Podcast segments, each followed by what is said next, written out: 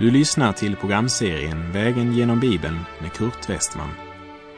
Programmet produceras av Norea Radio Sverige. Vi befinner oss nu i Första Thessalonikerbrevet. Slå gärna upp din bibel och följ med. Vi kan väl säga att Thessalonikerbrevet återspeglar Guds barns glada förväntan. Det är ett brev där Paulus, Silas och Timoteus uttrycker sin glädje över vad man i olika provinser har fått höra om de troende i Thessalonika. Deras liv bar frukt, för de hade mottagit ordet med den glädje som den helige Ande ger. Och vi avslutade förra programmet med att de väntade på Jesus Kristus, Messias, Guds son, som ska komma från himlen. Och detta hopp det skapar liv och verksamhet i den troendes liv. I Hebreerbrevet 13, vers 14 står det Ty här har vi inte någon stad som består, men vi söker den stad som skall komma. Jesus ska komma igen till dom och till frälsning, till dom över den värld som förkastat honom och till frälsning för alla som tagit sin tillflykt till honom. Tror du detta? Och om du tror det, vilken konsekvens får det i ditt liv? När vi nu kommer till det andra kapitlet i Första Thessalonikerbrevet så talas här om vad som är de rätta motiven för att tjäna Gud. Och vi lägger märke till att Paulus börjar med att skriva om den glädje som han känner i vissheten om att hans korta gärning i Thessalonika inte var förgäves utan bar rik frukt. Vi läser i Första Thessalonikerbrevet 2, vers 1. Ni vet själva, bröder, att vår insats hos er inte var förgäves. Paulus appellerar till fakta som de känner till och påminner att han och hans medarbetare kom inte med något helt nytt som inte var förankrat i de gamla profetskrifterna. Inte heller var det några teoretiska föredrag som inte fick någon verkan i deras liv. Det handlade inte om några dagars underhållning efter vilket vi senare lämnade er. Tvärtom, besöket hade skakat om hela staden så kraftigt att det ställde till upplopp, oroligheter och ett sånt tumult att bröderna i Thessalonika sände iväg Paulus och Silas till Berea. Poänget för Paulus är inte att det är hans arbete som har burit frukt, men poänget är evangeliet. Guds levande ord har burit frukt. Och för den som verkligen håller sig till Guds ord så är arbetet aldrig förgäves. Genom Paulus och Silas förkunnelse av evangeliet hade en kristen församling blivit grundlagd i Thessalonika och den växte trots stark motstånd från fienderna. Proklamationen av Guds ord hade skapat en skara i Thessalonika som nu var Herrens efterföljare. Och mitt under svåra lidanden hade de tagit emot Guds ord med den glädje som den helige Ande ger. Och även om den helige Ande är en del av deras vardag så ska vi aldrig tala lättvint om martyrium och förföljelse utan komma ihåg att också idag har Kristus många martyrer som lider för sin tro. Och ofta så fängslas de inte officiellt genom att anklagas för sin tro, men genom lögner och falska anklagelser blir de misstänkliggjorda och anklagade på helt andra premisser. Det är det farliga med vår tids martyrer. Men mitt i allt det här så har de alltså den glädje som den helige Ande ger. Så Paulus talar inte om några teorier eller någon filosofi, utan om något som verkligen fungerade där i Thessalonika. Evangeliets kraft strömmade genom Thessalonikas gator och gränder. Det trängde in i hemmen och in i kvinnors och mäns hjärtan och stadfäste att Guds ord är en kraft till frälsning för var och en som tror.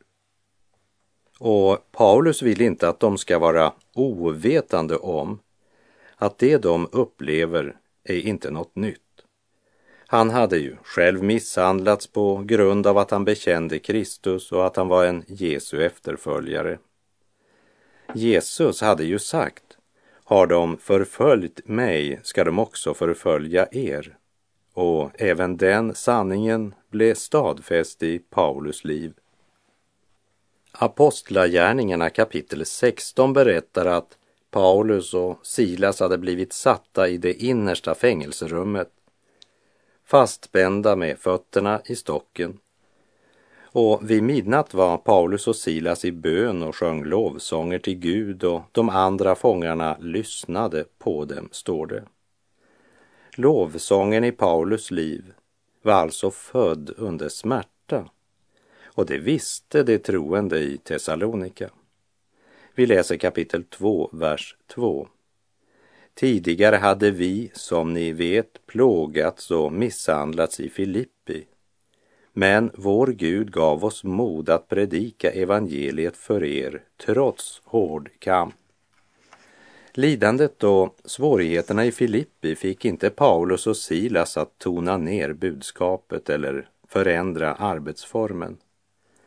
Och deras frimodighet bestod inte i psykisk styrka eller mänsklig tuffhet, men i att de lagt hela sitt liv i Jesu händer. De hade blivit Jesu efterföljare. Någon har sagt att Jesus, han har många bekännare, men få efterföljare. Paulus berättar om hur de förnedrats och misshandlats i Filippi. Och som jag nämnde så kan du läsa om det i Apostlagärningarna 16. Paulus kunde ju efter denna skrämmande upplevelse ha sagt vi måste vara försiktiga så att vi inte retar folk. Vi får försöka vara mera sympatiska och försiktiga och försöka vinna några vänner och påverka befolkningen. Men att packa in varan i bomull var inte han förkunnade inte Paulus metod. Han förkunnade frimodigt evangeliet om Herren Jesus Kristus. Han förkunnade så tydligt att det blev den ene till fall och den andre till upprättelse. När Jesus blev framburen i templet så hade den gudfruktige Simeon sagt följande profetiska om Jesus. Se, Denne är satt till fall och upprättelse för många i Israel och till ett tecken som blir motsagt, som det står i Lukas 2.34. Paulus höll uppenbart många predikningar under sina missionsresor. Men den största predikan han någonsin höll var kanske det han förkunnade genom sitt exempel, genom sitt liv under den tid då han var i Thessalonika. För det uppenbarade för dem som lyssnade att Paulus budskap var mer än ord. Och det gällde tydligen också Silas. Och det är väl värt att tänka över för oss som lever i en tid som överflödar av aktiviteter, men där så få verkligen blir förvandlade.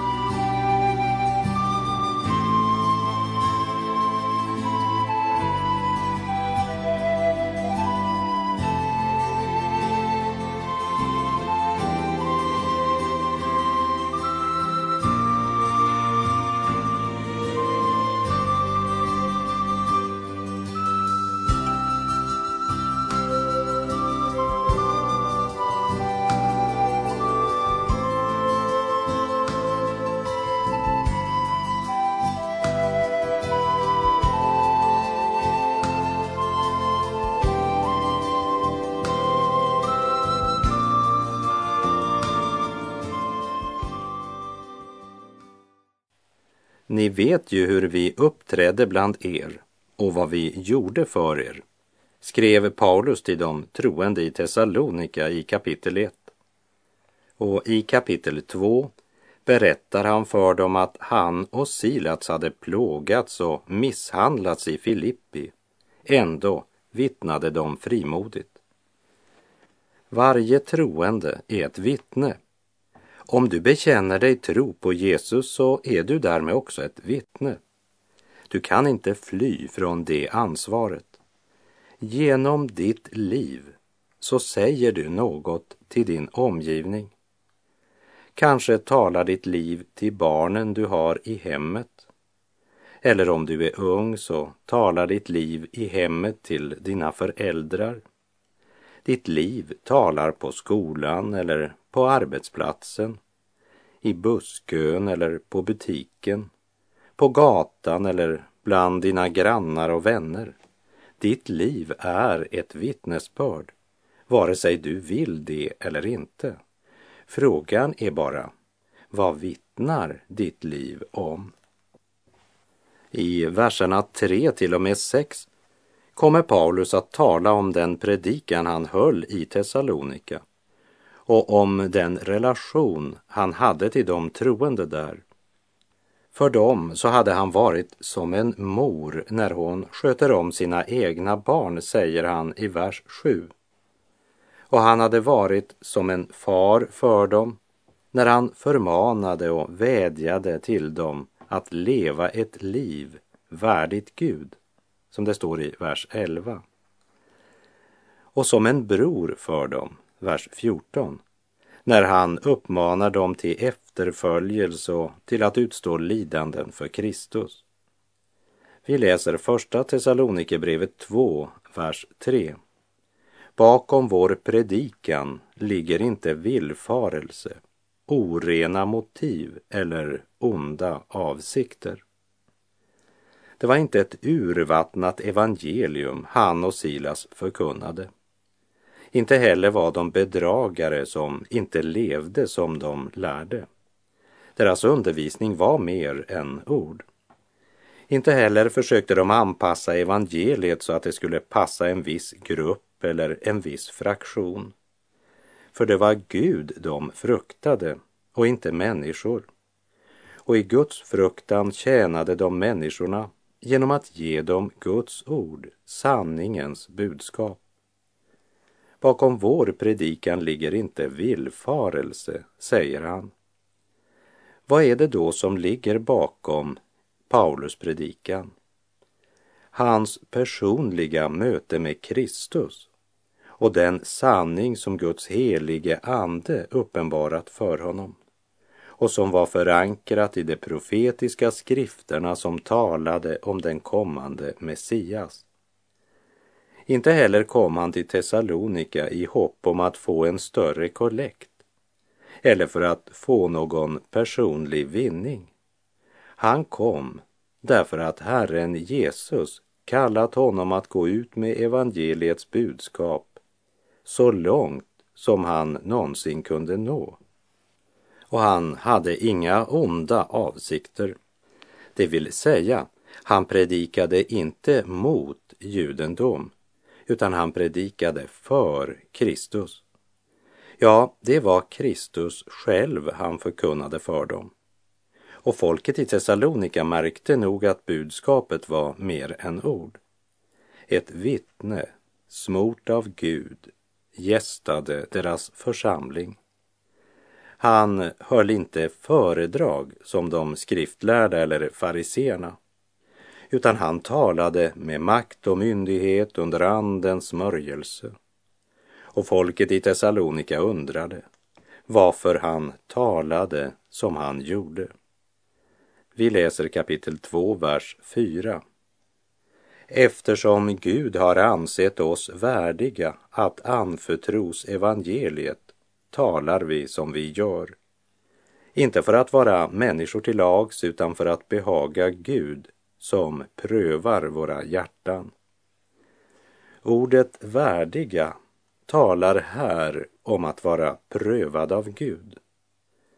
Både Paulus och Silas hade plågats och misshandlats i Filippi. Men det förde inte till gnäll och klagan där de sa att är det så här det ska vara att tjäna Gud, då, då vill vi satsa på något annat. Nej, deras lidande och den misshandel de utsatts för förde dem in i en djupare bön till Gud. Och ur bönen växte lovsången fram. Och jag citerar från Apostlagärningarna 16.25. Vid midnatt var Paulus och Silas i bön och sjöng lovsånger till Gud och de andra fångarna lyssnade på dem. Paulus är inte stolt. Han präglas inte heller av falsk ödmjukhet. Han vet att han är prövad av Gud. Vi kan säga utvald efter prövning och godkända av Gud. Det handlar alltså inte om egen förtjänst eller egen värdighet. Men det handlar om att ha tagit emot Guds ord, evangeliet, med den glädje som den helige Ande ger. Och detsamma hade ju de troende i Thessalonika gjort. Paulus var inte på något sätt publikfriare. Han sökte inte behaga varken den ena eller den andra grupperingen utan han talade, kallad av den Gud inför vilken han en dag skulle avlägga räkenskap för allt han sagt. Det är väl värt att tänka på. Och vi borde alla ransaka oss själva, ärligt fråga oss om vi i ande och sanning förmedlar Guds ord till mänskligheten. Och här måste jag bekänna att jag har genom åren nog svikit min uppgift mången gång. Ja, faktiskt så många gånger att det är underligt att Gud inte har kastat mig över bord. Hade jag varit Gud så hade jag gett upp Kurt Westman för länge, länge sedan. Men Gud har besvarat min trolöshet med sin trofasthet. Han avslöjar vår synd, kallar oss att göra upp och bekänna våra synder och så helar och upprättar han oss. Att i all vår skröplighet falla är en sak, men att medvetet gå emot vad Guds ord säger, det är något annat. Låt oss aldrig försöka anpassa Bibelns budskap efter världens och tidsandans krav för då sprider vi villfarelse. Men eftersom Gud har ansett oss färdiga och anförtrott oss evangeliet talar vi som vi gör, inte för att vara människor till lags, utan för att behaga Gud som prövar våra hjärtan.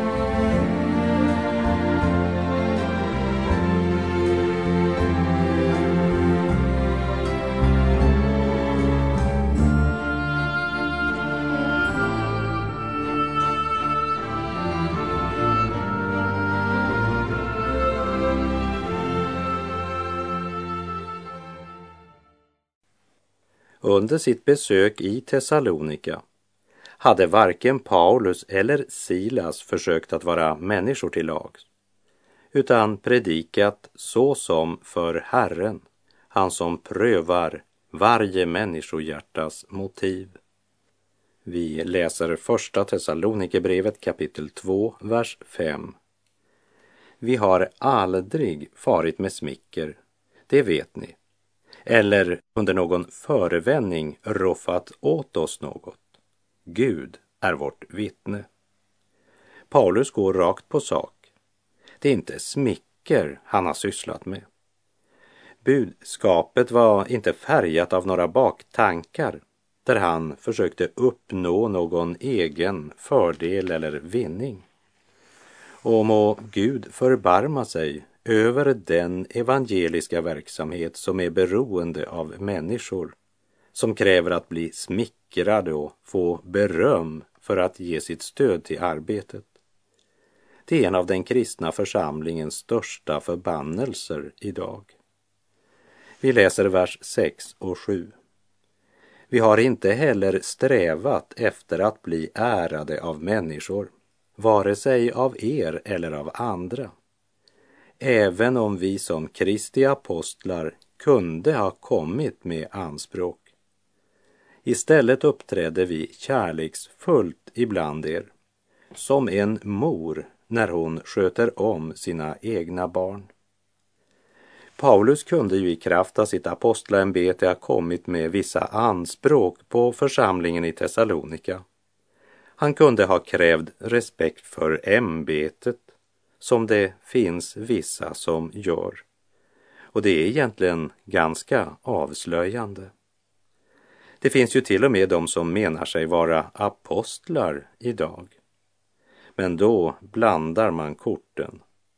För apostlaämbetet det var något som tillhörde den kristna församlingens grundläggningstid och står därför i en särställning i kyrkans historia. Även om jag är klar över att ordet apostel vid en del tillfällen används i en vidare betydelse om ett Herrens sändebud, som till exempel i Apostlagärningarna 14.14, 14, där det talas om apostlarna Barnabas och Paulus. Men det är viktigt att vi lägger märke till att apostlarnas antal begränsades till tolv och att Paulus var den tolfte efter Judas, förrädaren som begick självmord. Apostlarna representerades av den generation som levde på Jesu samtid. De skulle motsvara Israels tolv stammar och vara den läromässiga grund i det nya förbundet. Apostlarnas fullmakt kan inte överföras till senare släkten, utan efter apostlarnas död skall Jesu vittnen föra vidare det budskap som stadfästes av apostlarna. Som det står i Apostlagärningarna 2.42 de höll troget fast vid apostlarnas lära och gemenskapen, vid brödsbrytelsen och bönerna. I brevet till Efesierna kapitel 2, vers 20 skriver Paulus Ni är uppbyggda på apostlarnas och profeternas grund, där hörnstenen är Kristus Jesus själv. Därför får också apostlaordet en speciell auktoritet, för det avslutar Guds ord. Och genom det apostoliska budskapet i det nya testamentet lär vi känna Gud och lär oss förstå uppfyllelsen av det gamla testamentets profetiska budskap. Och Paulus exempel bland de troende i Thessalonika säger oss att en Guds tjänare är också församlingens tjänare. Han kommer inte med några egna anspråk utan uppträder som en mor när hon sköter om sina egna barn. Som en mor när hon sköter om sina egna barn ville Paulus och Silas i innerlig kärlek till dessa människor inte bara ge dem Guds evangelium utan de gav också sig själva eftersom trons folk i Thessalonika hade blivit dem så kära, säger han. Vi läser kapitel 2, vers 9. Bröder, ni kommer ju ihåg hur vi arbetade och slet. Natt och dag arbetade vi utan att ligga någon av er till last när vi predikade Guds evangelium för er. När ett barn föds så är mor bunden dag och natt och även om glädjen är stor över det nyfödda livet så innebär det också mycket extra arbete och nattvak. Samma omsorg hade Paulus och Silas haft för församlingen i Thessalonika. Förutom allt arbete de utförde i församlingen så arbetade de själva ihop sin lön med sina egna händer. Med det här säger inte Paulus att han är emot att en arbetare i Guds rike ska avlönas av församlingen.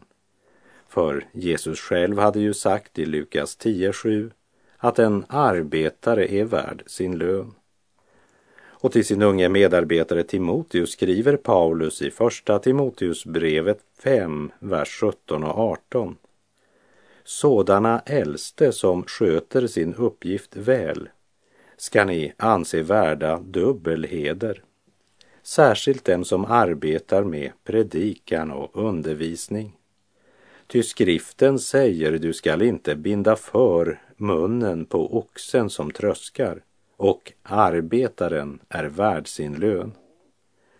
Samtidigt så vill orden i Första Thessalonikerbrevet 2.9 säga något viktigt både till de fast anställda i församlingen och till de som har ett traditionellt arbete i yrkeslivet. Och det är att vad yrke vi än måtte ha så är vi som Jesu efterföljare kallade att offra tid, kraft och pengar för att göra en insats i Guds rike. Vi ska villigt ställa vårt liv till tjänst i konkreta uppgifter, skriver Bjarne Weider.